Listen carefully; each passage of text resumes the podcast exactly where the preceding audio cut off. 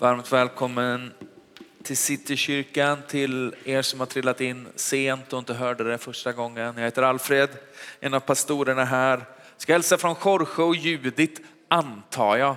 De är i bibelskolan med, eh, eller i Uganda med bibelskolan. De har inte sagt ett ljud, men jag antar att de hälsar. Jag tar mig friheten att framföra det från dem. För er som inte vet om det så, så, så finns det något som heter City Church Kampala som är en församling eller en gudstjänst i vår, vi vet inte riktigt, men vi hör ihop. Uh, och de är nere med bibelskolan och ska göra lite nytta i tio dagar, två veckor. Så be för dem, kom ihåg att be för dem. Det kommer säkert någon rapport vad det lider. Uh, gott, kul att se er. Uh, i, I slutet av, av sommaren eller början av hösten förra året så så var vi ute i våran lilla båt eh, i, i sjön Båven eh, utanför Flen där vi har våran stuga. Det var jag, Helen och barnen och så hade vi med oss Gabriel och, och Judit ut. Och så gjorde vi sånt som, eh, sånt som jag gillar.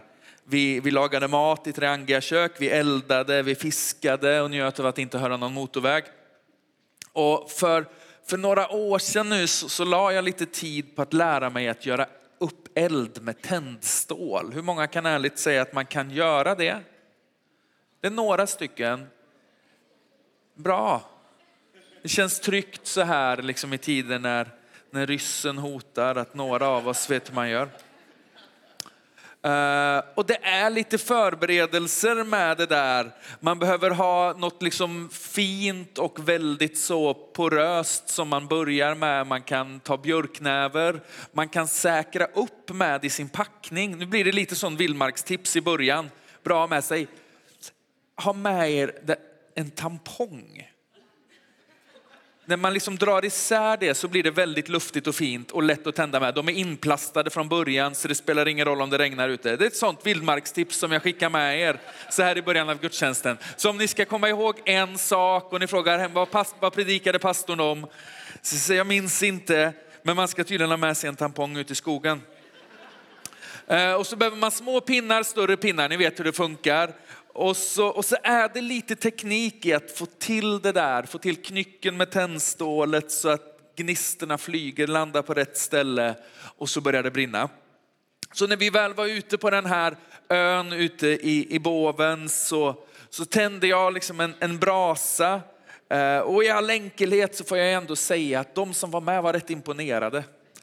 Alltså det, alltså, jag är några år äldre än Gabriel och liksom, ja, vi håller på med samma sak, det är lovsång och sådär. Så jag känner mig som en, som en liksom storebrorsa sådär.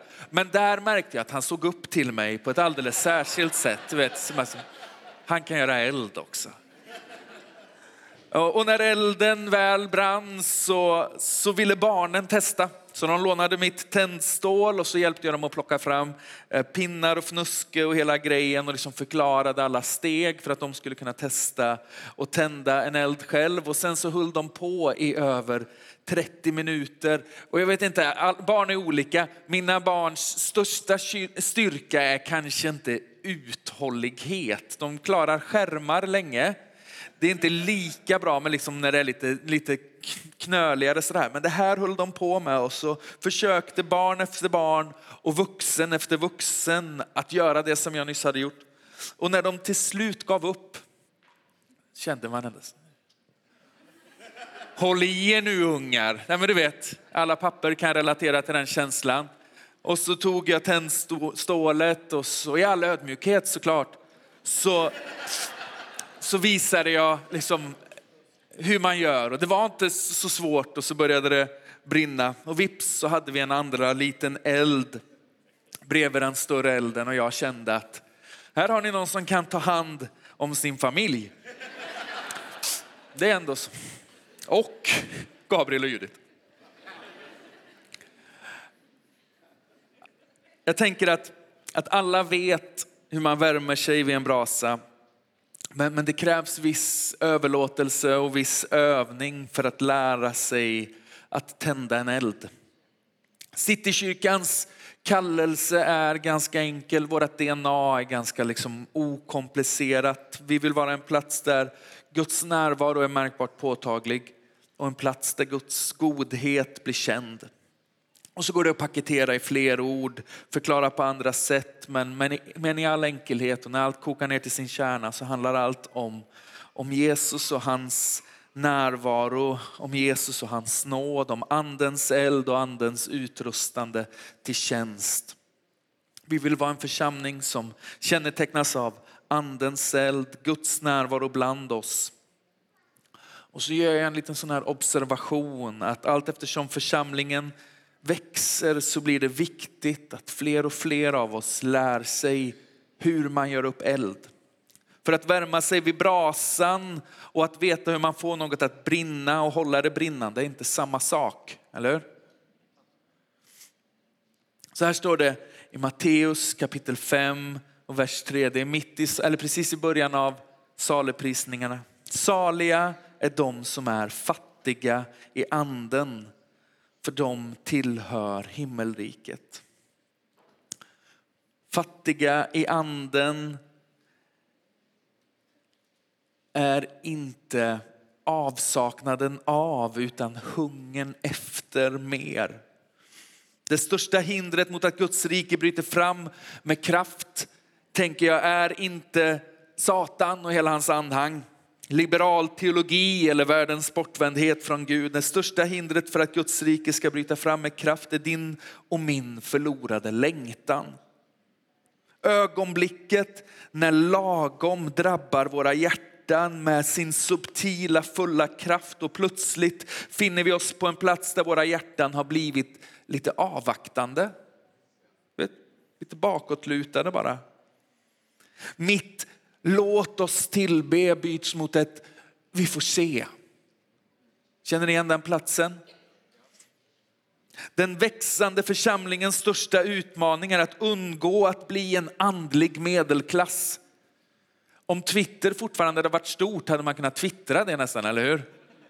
Jag har ett Twitterkonto, jag bara läser kyrkskvaller där. Jag har inte skrivit något sedan 2017. Den växande församlingens största utmaning är att undgå att bli en andlig medelklass. Välbärgade men berövade på den hunger som förde oss dit vi är.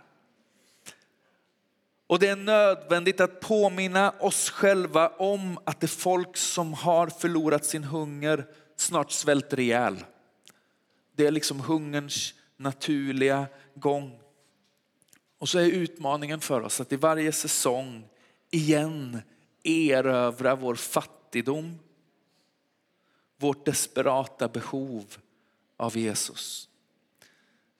Ni vet det där som påverkar hur vi ber, hur vi tillber, hur vi ger, längtar, pratar, drömmer och lever hela våra liv. Fattiga och i desperat behov av ett nytt möte med Jesus. Kommer ni ihåg den platsen?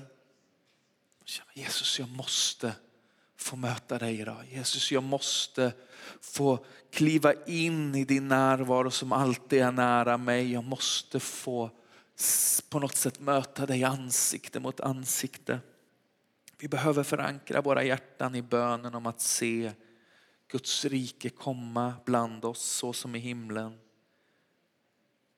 För jag tänker att när du och jag hela tiden liksom längtar efter det som vi inte förmår själva så blir vår bön heligande kom.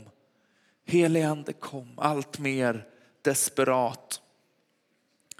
Och i någon sorts liksom så här publik bekännelse så, så blir jag eländigt trött varje gång min liksom självuppskattning, eller vad ska man säga, min, min, min analys av mig själv är att jag inser att jag har förlorat min hunger efter mer.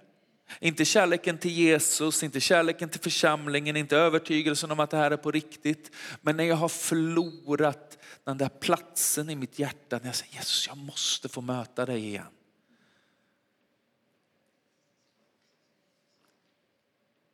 Varje gång jag inser att mina böner och min längtan har kuvats av lagoms förlamande mättnad. Förstår ni vad jag menar då? Det är rätt bra liksom. Rätt mycket folk i kyrkan. Det är kul. kul att ni är här. Också en liten rädsla i det. Tänk om det blir liksom lite fart i det här, då behöver vi en gudstjänst till. Det vet jag inte om jag orkar. Eller hur? Det blir jobbigt. Det är jobbigt och se Guds rike bryta fram med kraft. För det på något sätt för med sig någonting av av förvaltarskap, av att ställa sig till förfogande, av att låta hans liv bland oss börja påverka mitt liv och min kalender, hur jag lever, hur jag rör mig och hur jag för mig.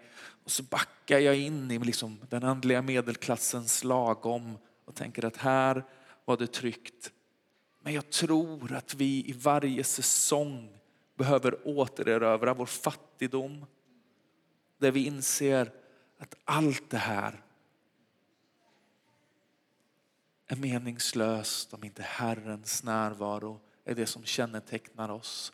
Om inte hans liv är det som för oss samman, om inte den desperata längtan efter att få möta honom igen är det som får oss att kliva upp ur, kyrk, ur sängen och, och släpa oss till kyrkan på söndag förmiddag. Lojalitet är, är fint, pliktkänsla är kanon, men över tid så riskerar det att bli ganska tärande. Jag behöver få leva utifrån längtan efter att möta honom. Det finns ett bibelord i Jesaja 13 som, som skrämmer mig. Jesaja 29, vers 13. Herren har sagt, detta folk kommer nära med sin mun och ärar mig med sina läppar, men håller sina hjärtan långt ifrån mig. Det jag tycker är liksom störande med det här bibelordet är att det tycks vara möjligt att närma sig Gud och, och samtidigt hålla hjärtat ifrån honom. Ser ni det? Det är inte bara så här, det här gänget de, de sjunger kristen allsång men de känner mig inte. Det är inte det det står. Herren har sagt detta folk kommer nära med sin mun och ärar mig med sina läppar men håller sitt hjärta ifrån mig. Närmar sig Gud men på något sätt med reservation, jag håller fortfarande tillbaka något av mig själv. Jag kan närma mig Herren utan att ge mitt hjärta till honom. Eller jag kan värma mig vid någon annans eld. Men jag låter inte elden brinna i mitt liv.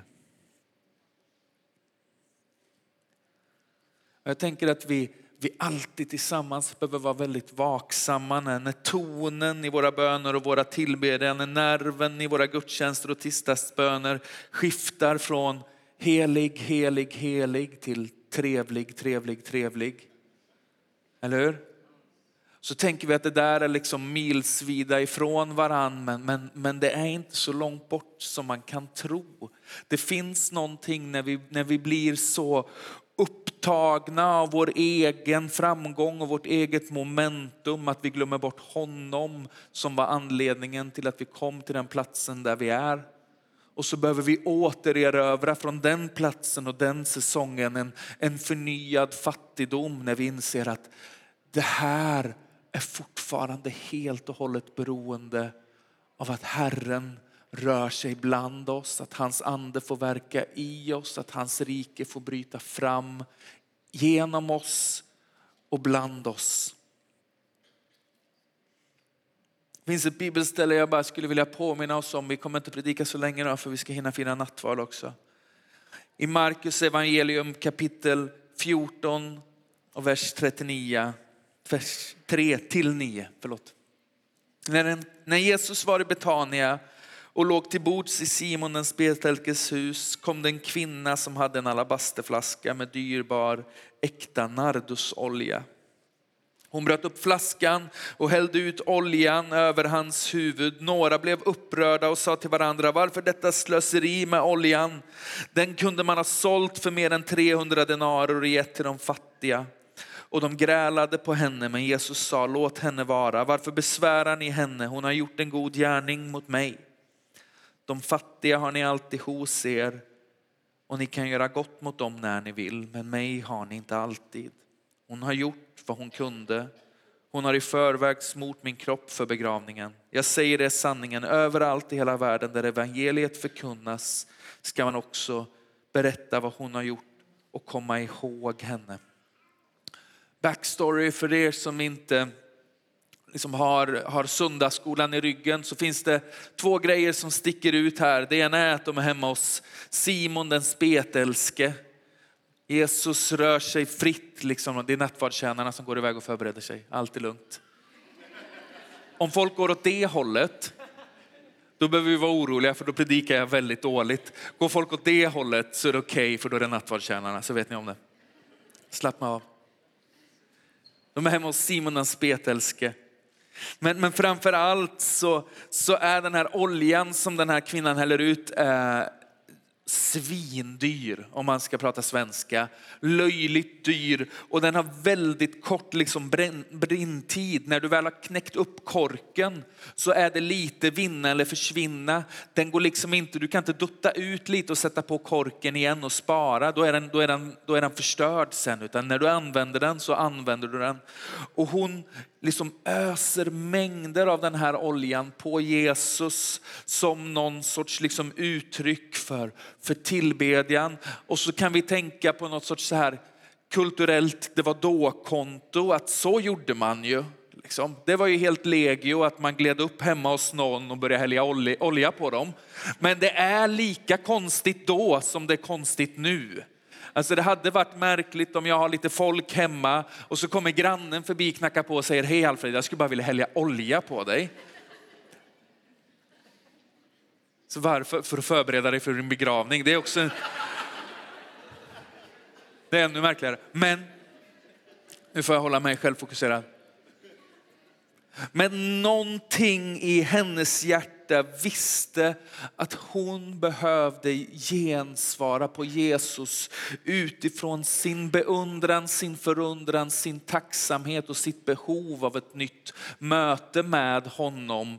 Och det spelade ingen roll om det blev lite konstigt för hennes längtan var tvunget att liksom trumfa det som rummet tillät. Rummet var inte så nöjda över hur hon betedde sig men hon kunde inte navigera utifrån rummets tillåtelse utan från hjärtats djupaste längtan. Jag måste ge mig själv till Jesus idag.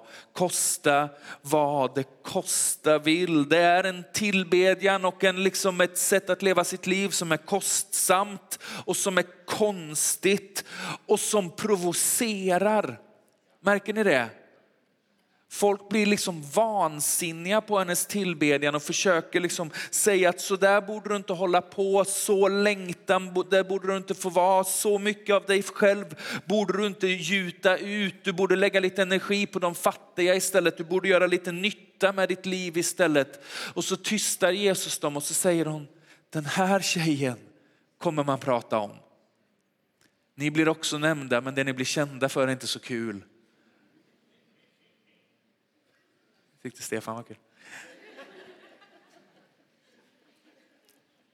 Men någonstans så skriver hon in sig i historieböckerna genom att inte beräkna kostnaden för sin tillbedjan utan att helt och fullt kasta sig på Jesus. Och så går hon därifrån liksom bekräftad och upprest av Jesus och så luktar hon av honom och han luktar av henne för de har mötts och de har på något sätt varit nära varann och så, och så blir hon bärare av någonting annat. Och jag tror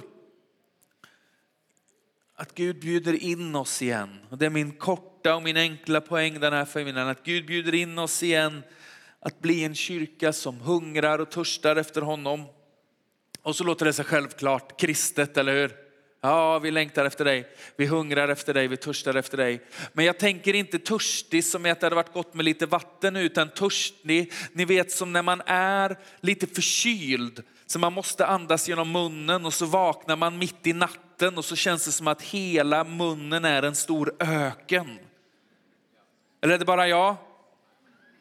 Du vet man känner att min tunga är liksom, ja, men det blir, det blir väldigt grafiskt men ni får leva med det. Men du vet törstig på riktigt, eller hur?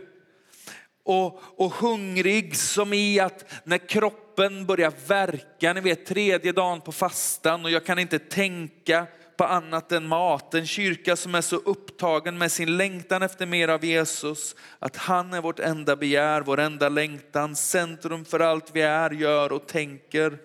Den församlingen kommer få se Guds rike bryta fram med kraft och jag tror att vi behöver börja odla våran fattigdom igen. Att vi börjar ta blicken ifrån vad vi har, vi ska vara tacksamma för vad vi har.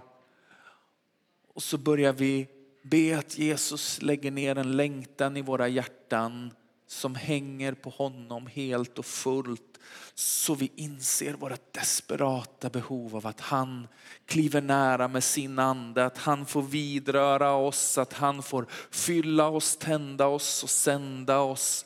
Vi behöver ständigt akta oss i säsonger av medvind för att bli en andlig medelklass som är ganska tillfreds med vad man har. För den platsen finns inte. Det är ett skimär, det där är den farligaste lugnen vi kan svälja. Att lagom är okej. Okay. Det funkar inte så. Framåt eller bakåt, närmare Jesus eller längre ifrån. Status quo är liksom inte en del av ekvationen. En lagom längtande kyrka. Det lät deppigt, eller hur? Vi drömmer om att vara en kyrka som längtar ibland. Som gråter en skvätt när vi är trötta och när lovsången känns fin. Vi drömmer om att vara en kyrka som lever desperat beroende efter ett nytt möte med Jesus. Som har insett att den enda liksom räddningen för, för, för mina barn eller grannar eller, eller området där jag bor eller den här staden eller det här landet är Jesus Kristus. Ett möte med Jesus, hans kors, hans nåd, hans rike inom oss som får välla fram ut ur oss. Där lagom på något sätt får böja knä igen för namnet Jesus och där, där bönerna jag ber får, får komma från en plats av, av djup hunger och längtan och så får de samtidigt göra mig lite rädd för jag känner, sa jag det där precis? För om det där händer så kommer det få konsekvenser i mitt liv. Då blir det rörigt. Jag behöver hela tiden påminna mig om att leva mitt liv på ett sådant sätt att mina läppars bekännelse och mitt hjärta går i takt och inte att jag tonar ner mina böner för att stämma överens med vart mitt hjärta befinner sig. Utan att jag förflyttar mitt hjärta mot det som min mun bekänner. Vi behöver mer av Jesus gänget. Vi behöver en större hunger efter honom. Och hunger är inte något som, som drabbar oss Hunger i Guds rike tycks komma av att smaka och se att Herren är god. Att sätta sig själv i rörelse, att bestämma sig för att resa sig över sin bekvämlighet en gång till för att vinna mer av honom. De flesta av oss kan nog ganska tydligt ringa in liksom säsongen när jag gick från, från längtande, hungrande och törstande till, vi får se. Vi får se hur det blir. Vi får se lite om jag ska till kyrkan på söndag. Vi får se om jag sjunger med i lovsången. Kommer det någon gammal goding så kanske jag får feeling. vet, den, ja, den här är god. Ni förstår vad jag menar. Jag raljerar. Förlåt mig. Men ni förstår. Jag tänker att det har med den här staden att göra. Vi behöver ständigt erövra insikten om vår egen fattigdom. Om att allt handlar om Jesus. Allt hänger på Jesus. Det finns ingenting jag kan göra i mig själv som förflyttar en människa en centimeter närmare himmelriket. Men när hans liv får drabba mitt liv och när jag väljer att göra mitt liv till en lovsång till honom så tänker jag att Guds rike kommer bryta fram med kraft. Men det börjar alltid på platsen av att jag inser att jag behöver Jesus. Vi behöver Jesus. Saliga är de fattiga i anden. De tillhör himmelriket. Det betyder inte, går du runt och är fattig i anden hela livet så kommer du till himlen sen. Himmelriket, Guds rike, de som längtar är de som får se det ske. Eller hur? De som hungrar är de som får se riket bryta fram. De som inte litar på sig själva och sin egen förmåga utan sätter sin förtröstan till Herren. De kommer få se Guds rike bryta fram. Jag tänker igen i den här säsongen att det finns en inbjudan att överge lagom och överge liksom kristen medelklass. Det går rätt bra nu. Säg att jag behöver leva ett liv som är desperat längtandes efter mer av Jesus. Hänger ni med? Det är de senaste veckorna bara, det har varit lite så här, jag brukar vara, varit lite kärvt ett tag nu. Nästa vecka kommer jag vara lite snällare. Jag tänker att det är en överlevnadsfråga för oss. Förlåt, ni bara står. Eh, det var lätt för oss när allt var sämre. Och det här är nog liksom pudens kärna. Det var lätt för oss när vi inte var så många. Det var lätt för oss när det var lite stökigt och det var rosa och det var smutsigt och det var samma människor som gjorde allt hela tiden. Och du vet när David Haglund stod och slet nere vid mixerbordet och förutsättningarna var låga. Ja, men du vet, det var lätt för oss när det var dåligt. För vi behövde be stora böner. Gud, om inte du kommer med ditt liv in i det här så har vi inget att berömma oss över. Om inte du dyker upp med din närvaro och döljer våran otillräcklighet så kommer människor märka att vi har ingen aning om vad vi sysslar med. Du behöver komma med ditt liv ibland oss och, och så växer vi upp och så växer vi till och så börjar vi få ordning på saker och så lurar vi oss och tro att någonting har förändrats men inget har förändrats. Det handlar fortfarande bara om Jesus. Det handlar fortfarande bara om hans rike. Det handlar fortfarande bara om hans ande som får blåsa liv i oss. Det handlar fortfarande bara om hans närvaro som drar människor in i ett möte med Jesus. Allt handlar om honom. Och det kommer aldrig förändras men vi kommer i varje säsong vara tvungna att erövra det igen. För frestelsen vi ställs inför är inte att plötsligt gå åt ett annat håll utan att bara nöja oss med det vi har. Och det handlar inte om att vi ska in i någon sorts andlig kapitalism där tillväxt, tillväxt, tillväxt är vårt baner. Liksom. Men vi behöver vara ett folk som aldrig tar blicken från Jesus. Han ger skörden, eller hur? Men vi behöver hålla oss nära Jesus i varje säsong närmre Jesus. I varje säsong närmre Jesus. Och jag tror att för en del så, så är den här våren en säsong där Gud liksom bråkar med dig lite grann. Långsamt ruskar på dig lite för att luckra upp jorden som du har fastnat i och så vet du att han säger det är dags att komma i rörelse igen och så känner du nej, det låter stökigt och jobbigt och besvärligt och mitt tröstande ord till dig är att ja, det kommer det vara. Det kommer det vara. Men vad är alternativet? Den här stan behöver Jesus. Och vi kan önska att han i sin makt på något sätt bara skulle stiga ner från himlen, köra bästa predikan och räkna till tre och så räcker alla upp handen. Men han har valt att arbeta genom vanliga människor som dig och mig. Och om vi förlorar glöden, liksom, om vi kör fast i vårt egen lagom träsk så kommer någon annan betala priset för det. Det är obekvämt känner jag själv när jag ställer det på sin spets där. Vi ska inte göra oss själva för viktiga. Herren kan göra vad han vill. Men han har valt oss. Det är det som är stöket i det hela. Alltså det är inte min idé. Hade det varit jag som bestämde och så tittar på alla och säger Alfred Nygren, nej, finns det något annat vi kan jobba med istället? men fattar ni?